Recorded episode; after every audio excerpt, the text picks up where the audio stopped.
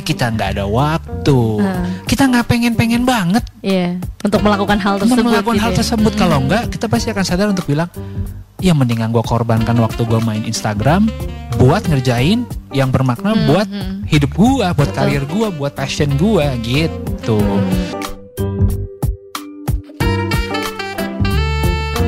Satu jam itu biasanya saya pakai buat apa?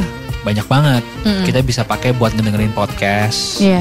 Em, yang menurut saya sekarang tuh uh, kalau kita memanfaatkan podcast atau YouTube buat belajar, gila itu kita ketinggalan banget. Sayang Iya, banget. Betul, betul.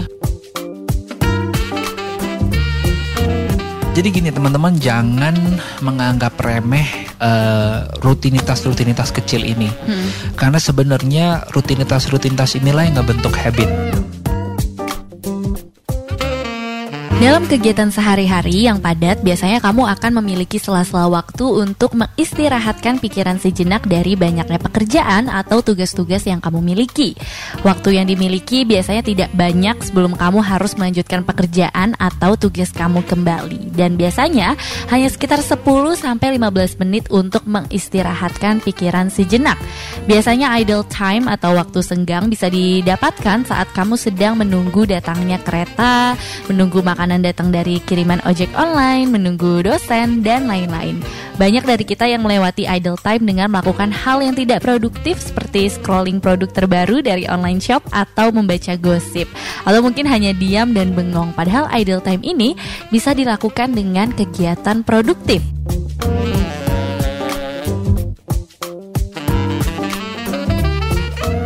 Dream Warriors, kali ini host Sukma akan berbicara bersama Mas Ruby untuk membahas lebih jauh tentang bagaimana memanfaatkan idle time menjadi sesuatu yang produktif. Nah, Alexander Ruby adalah seorang entrepreneur dan mentor kejar mimpi yang sekarang sudah ada nih bersama Sukma di sini. Halo Mas Ruby, apa kabar nih? Halo Sukma apa kabar? Baik, sekarang masih sibuk kurusin bisnis terbarunya mungkin? Masih Mm-mm. sibuk dengan mentor gue.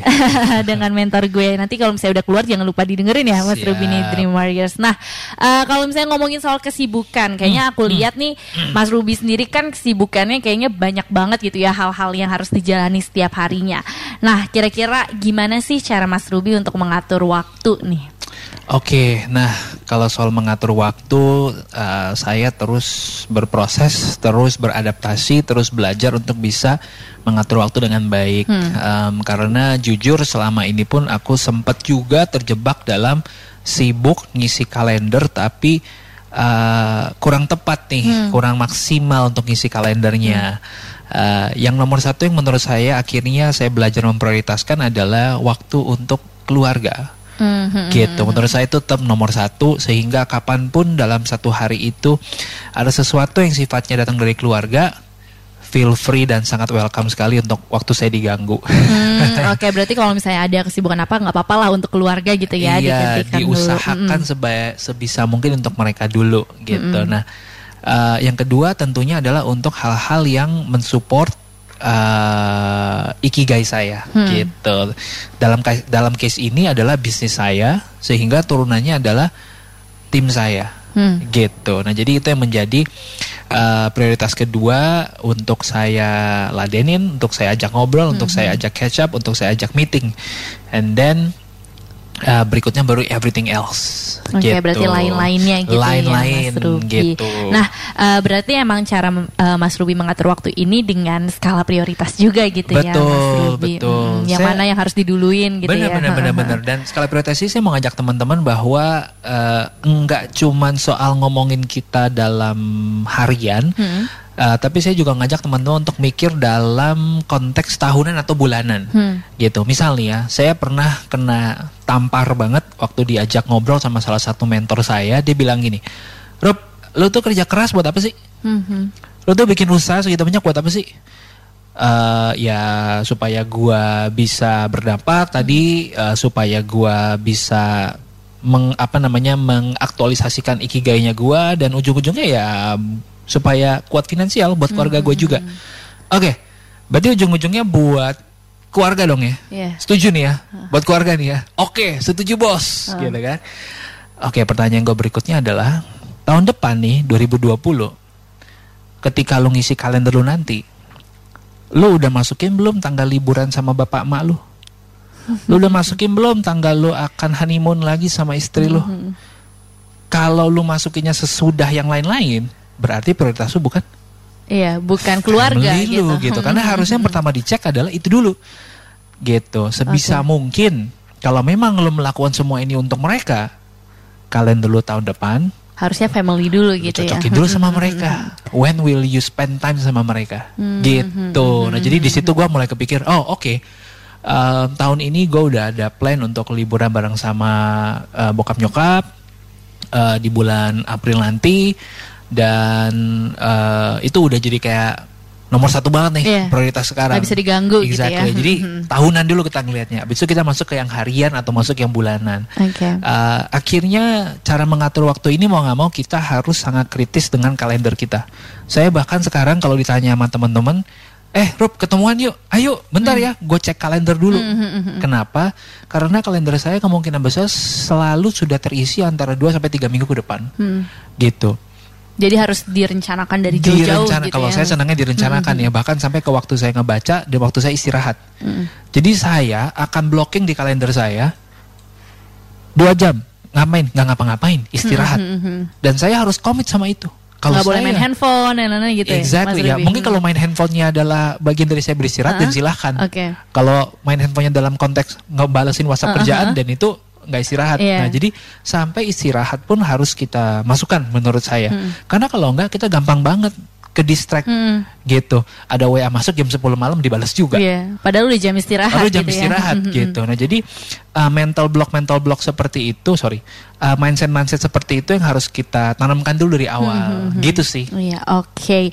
Nah, eh, berarti emang pertama sebenarnya ini merupakan tips juga ya tadi bikin Ya. kalender gitu ya Yes, Mas Ruby yes, ya yes. buat Dream Warriors juga. Mungkin yang punya kegiatannya padat kadang juga eh, harusnya waktu istirahat dipakai untuk udah main aja deh ujung-ujungnya Yes, sakit gitu ya Mas yes. Ruby. Berarti Hmm. emang harus benar-benar ada jadwalnya dan diikutin gitu ya Mas Betul. Ruby. Oke.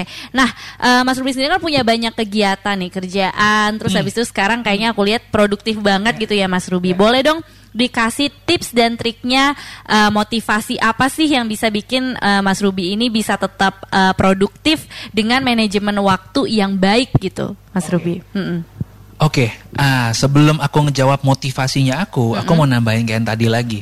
Waktu kita mengatur kalender kita tadi, sering kali kita hanya mengatur waktunya tanpa mengukur energi level kita. Iya. Oke, kita na- Enak-enak aja gitu ya naro-naro kegiatan. aja.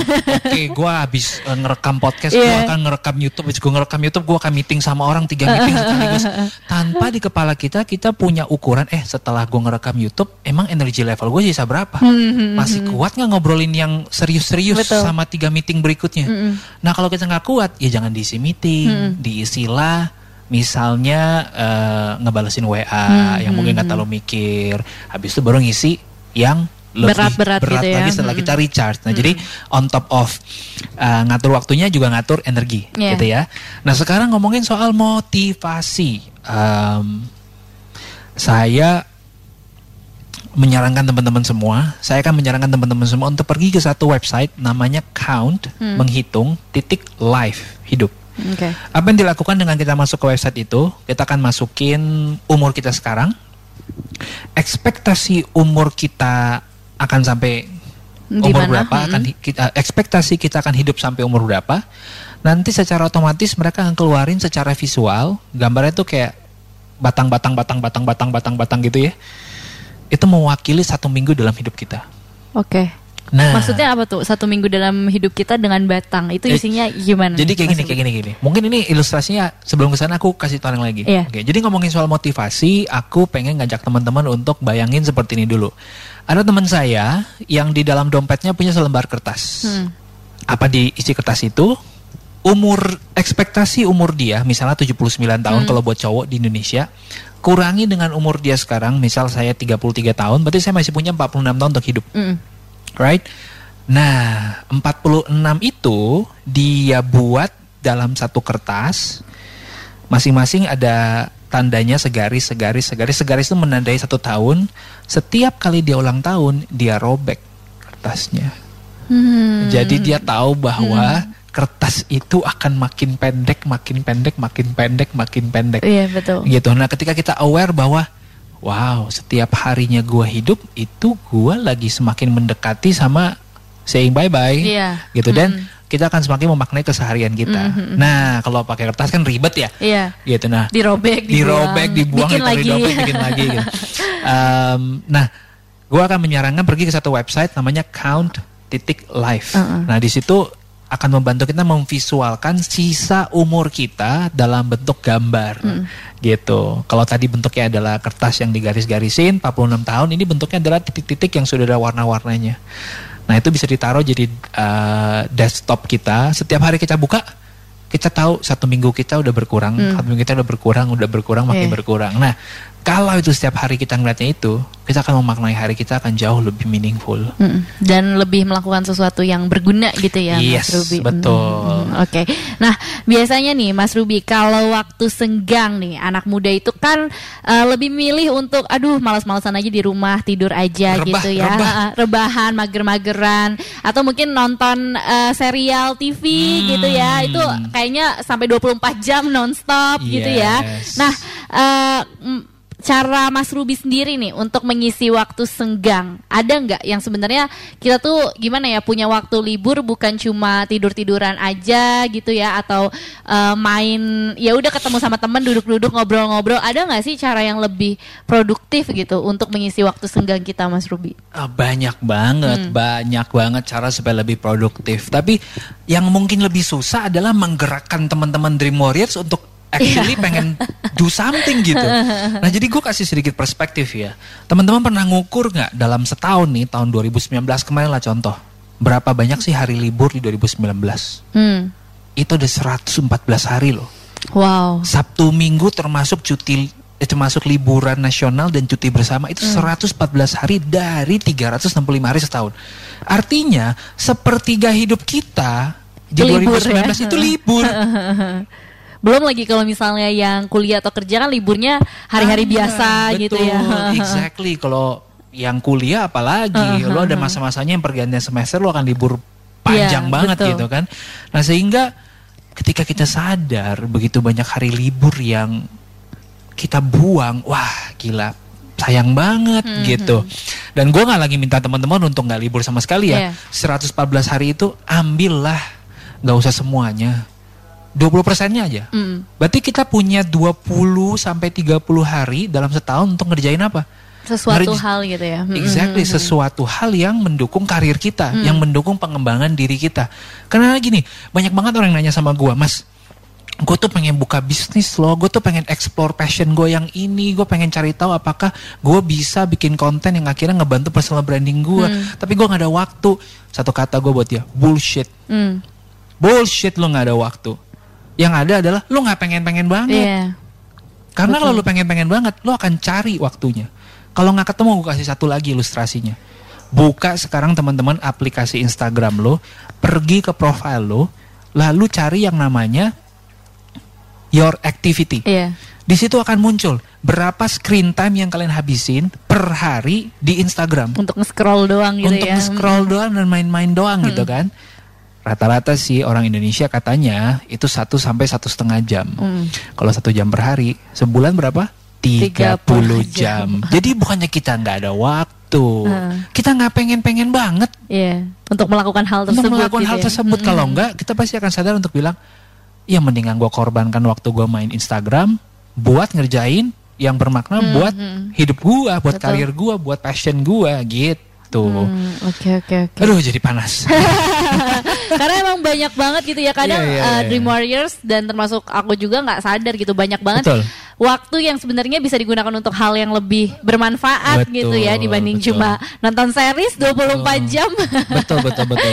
di rumah tapi nggak ngapa-ngapain gitu ya Yes. Mas Ruby. Oke, nah eh, sebenarnya kan waktu senggang itu seperti yang tadi Mas Ruby bilang nggak cuma weekend doang Iya, ya dan nggak iya, cuma hari iya, libur aja. iya. Bahkan orang kantoran kadang juga bisa ambil cuti dan lain-lain gitu ya Mas Ruby. Nah banyak waktu senggang yang sebenarnya kita miliki tapi nggak sadar gitu. Waktu senggang itu kan ya biasanya sekitar 10 sampai eh, 15 menit itu aja atau bahasa kerennya idle time. Hmm. Dan dari sekian banyak kesibukan yang Kak Ruby miliki nih, ada nggak sih idle time-nya gitu. Misalnya kayak 10 atau 15 menit aja Mas Ah, Mas ada Ruby itu kosong gitu. Ada banget, ada banget, ada banget. Jadi aku cerita soal idle time yang bentuknya panjang dulu ya, yang Iya. mungkin sekitar sejam gitu ya. Kalau saya commuting dari rumah ke kerjaan atau in between meetings misalnya eh, satu jam itu biasanya saya pakai buat apa? Banyak banget. Kita bisa pakai buat ngedengerin podcast. Iya. Em, yang menurut saya sekarang tuh uh, kalau kita memanfaatkan podcast atau YouTube buat belajar, gila itu kita ketinggalan banget, Iya, sayang banget. betul, betul. Begitu banyak hal-hal yang gila bermanfaat banget, Ya, termasuk ngedengerin podcast ini dikejar mimpi Iya. udah gratis. Tinggal modal kuota doang, dapat makna, dapat belajar, tapi nggak dimanfaatin. Nah itu menurut saya uh, nomor satunya saya. Kalau saya pakai waktu idle. Yang kedua, saya senang pakai waktu idle itu untuk ngebaca Hmm. gitu 10 sampai 15 menit tapi uh, saya bisa ngedapetin satu dua bab yang menurut saya uh, apa ya bisa ngisi otak gitu karena kadangkala uh, kita sibuk menunggu inspirasi datang padahal sebenarnya dengan kita membaca satu chapter buku 10 sampai 15 menit setiap harinya itu kita kayak mengundang inspirasi untuk datang atau mencari actively inspirasi Iya. itu. Uh, kemudian berikutnya saya juga senang pakai untuk uh, bikin bank inspirasi. Jadi gini, waktu main Instagram pun saya aware sekali untuk ngebikin uh, apa ya? Sekarang kan postingan Instagram bisa di save ya. Iya, betul. Nah, saya punya album-album gitu yang isinya adalah kategori-kategori yang saya akan pakai nantinya. Misal, mm, mm. karena saya senang bikin konten, saya akan ngumpulin hal-hal yang sifatnya inspiratif dalam satu album. Kedua, saya punya konten, eh saya punya album yang isinya adalah hal-hal yang fun. Kalau saya lagi butuh hiburan, saya bisa buka-buka Hmm, lagi, bisa ketawa-tawa bisa gitu ketawa-ketawa. ya. Yang ketiga, saya kumpulin album yang eh, ada hubungan sama mental health Hmm. saya kadang-kadang juga capek butuh quotes-quotes untuk penenang pikiran Hmm. dan penenang hati. Kemudian saya juga punya album isinya adalah semua bucket list bucket list yang ada hubungan sama travel Hmm. gitu. Sehingga nanti waktu saya udah mau jalan-jalan, saya udah nggak sibuk lagi nyari mau ke mana, Iya. udah ada listnya yang udah saya kumpulin. Udah tinggal dikunjungi aja yes, gitu ya, karena kadang-kadang kita lupa ya. Nah, Hmm. jadi ini hal-hal simpel yang sebenarnya even waktu kita main Instagram pun kita bisa produktif Iya. gitu. Nah terus uh, saya juga sering pakai uh, waktu idle time yang 10-15 menit itu gunanya buat apa? Untuk uh, meringankan beban HP. Misalnya uh, WhatsApp nih kan berat banget ya. Hmm. Iya. Kadang-kadang tuh uh, handphone kita nge-lag cuma gara-gara begitu banyak obrolan yang kita nggak sempet delete gitu. Iya. Nah jadi ya sambil iseng-iseng sambil nunggu lagi di antrian bank mungkin teman-teman, lagi di antrian Transjakarta mungkin, lagi di antrian MRT mungkin, kalian bisa pakai buat itu. Deret-deretin pesan gitu ya. exactly. Hmm, hmm. Nah tapi on top of it all, uh, yang saya sekarang belajar untuk lebih sering saya lakukan adalah nge-WhatsApp atau nelponin orang-orang yang matters in your life. Hmm, hmm. Circle satunya lo, Iya, ring betul. satunya lo um, obrolan singkat cuman dua menit say hi ke Hmm. nyokap ke bokap untuk bilang lu lagi ngapain weekend ini mau ke mana Hmm, Eh, apa apa apa kabar mama apa kabar gitu itu udah bisa bikin mereka happy-nya super super berkali-kali lipat Iya. gitu jadi eh, itu sih jadinya yang yang menurut saya waktu adil itu bisa banget dimanfaatin buat hal-hal yang produktif Hmm, hmm. Nah, kalau misalnya nih ngomongin soal Yes. waktu idle dimanfaatin Ya. eh, untuk hal-hal produktif, sebenarnya dengan kita menggunakan waktu senggang itu untuk melakukan sesuatu yang bisa dibilang mungkin kalau Mas Ruby kan Hmm. tadi eh, yang aku ambil bisa nambah ilmu di Hmm. waktu cuma 10 menit, 15 Yes, menit gitu ya. yes. Ada nggak sih impactnya gitu biar Dream Warriors tuh kayak mungkin lebih dari sekarang aduh ini ya nih 10 menit kosong mendingan ngelakuin sesuatu yang bermanfaat gitu sebenarnya impactnya dalam diri kita sendiri tuh apa sih Mas Ruby Oke. Em, jadi gini teman-teman jangan menganggap remeh eh, rutinitas-rutinitas kecil ini, karena sebenarnya rutinitas-rutinitas inilah yang nggak bentuk habit, Hmm, Eh, membentuk kebiasaan-kebiasaan baik. betul Contohnya gini, em, saya punya ilustrasi waktu itu diceritain sama salah satu mentor saya. Em, mag- bayangkan nih ya kita berolah berolah bayangkan nih ya kita berolahraga. Menurut kamu nih Sukma, mana yang akan lebih impact ke badan kita kalau kita dalam seminggu olahraga satu hari 8 jam atau eh sorry kalau seminggu kita olahraga satu hari aja, Mm-mm. tapi satu hari itu tujuh jam, Mm-mm. atau kita olahraga setiap hari tujuh kali sehari tapi sehari cukup sejam. Hmm, kayaknya setiap hari kali ya, tapi Eh, cuma sejam. Betul Hmm. sekali. Nah jadi em, ya ini sama dengan kehidupan kita sih bahwa ada hal-hal yang memang nggak bisa dirapel. Iya. Lu nggak bisa olahraga 8 jam, 7 jam buat ngegantiin 6 hari Iya, sebelumnya iya, lu nggak iya. olahraga. Betul, betul. Nah jadi em, ini menurut saya yang kebiasaan-kebiasaan kecil yang bagus kita bentuk. Misalnya kayak tadi em, ngebaca Hmm. gitu.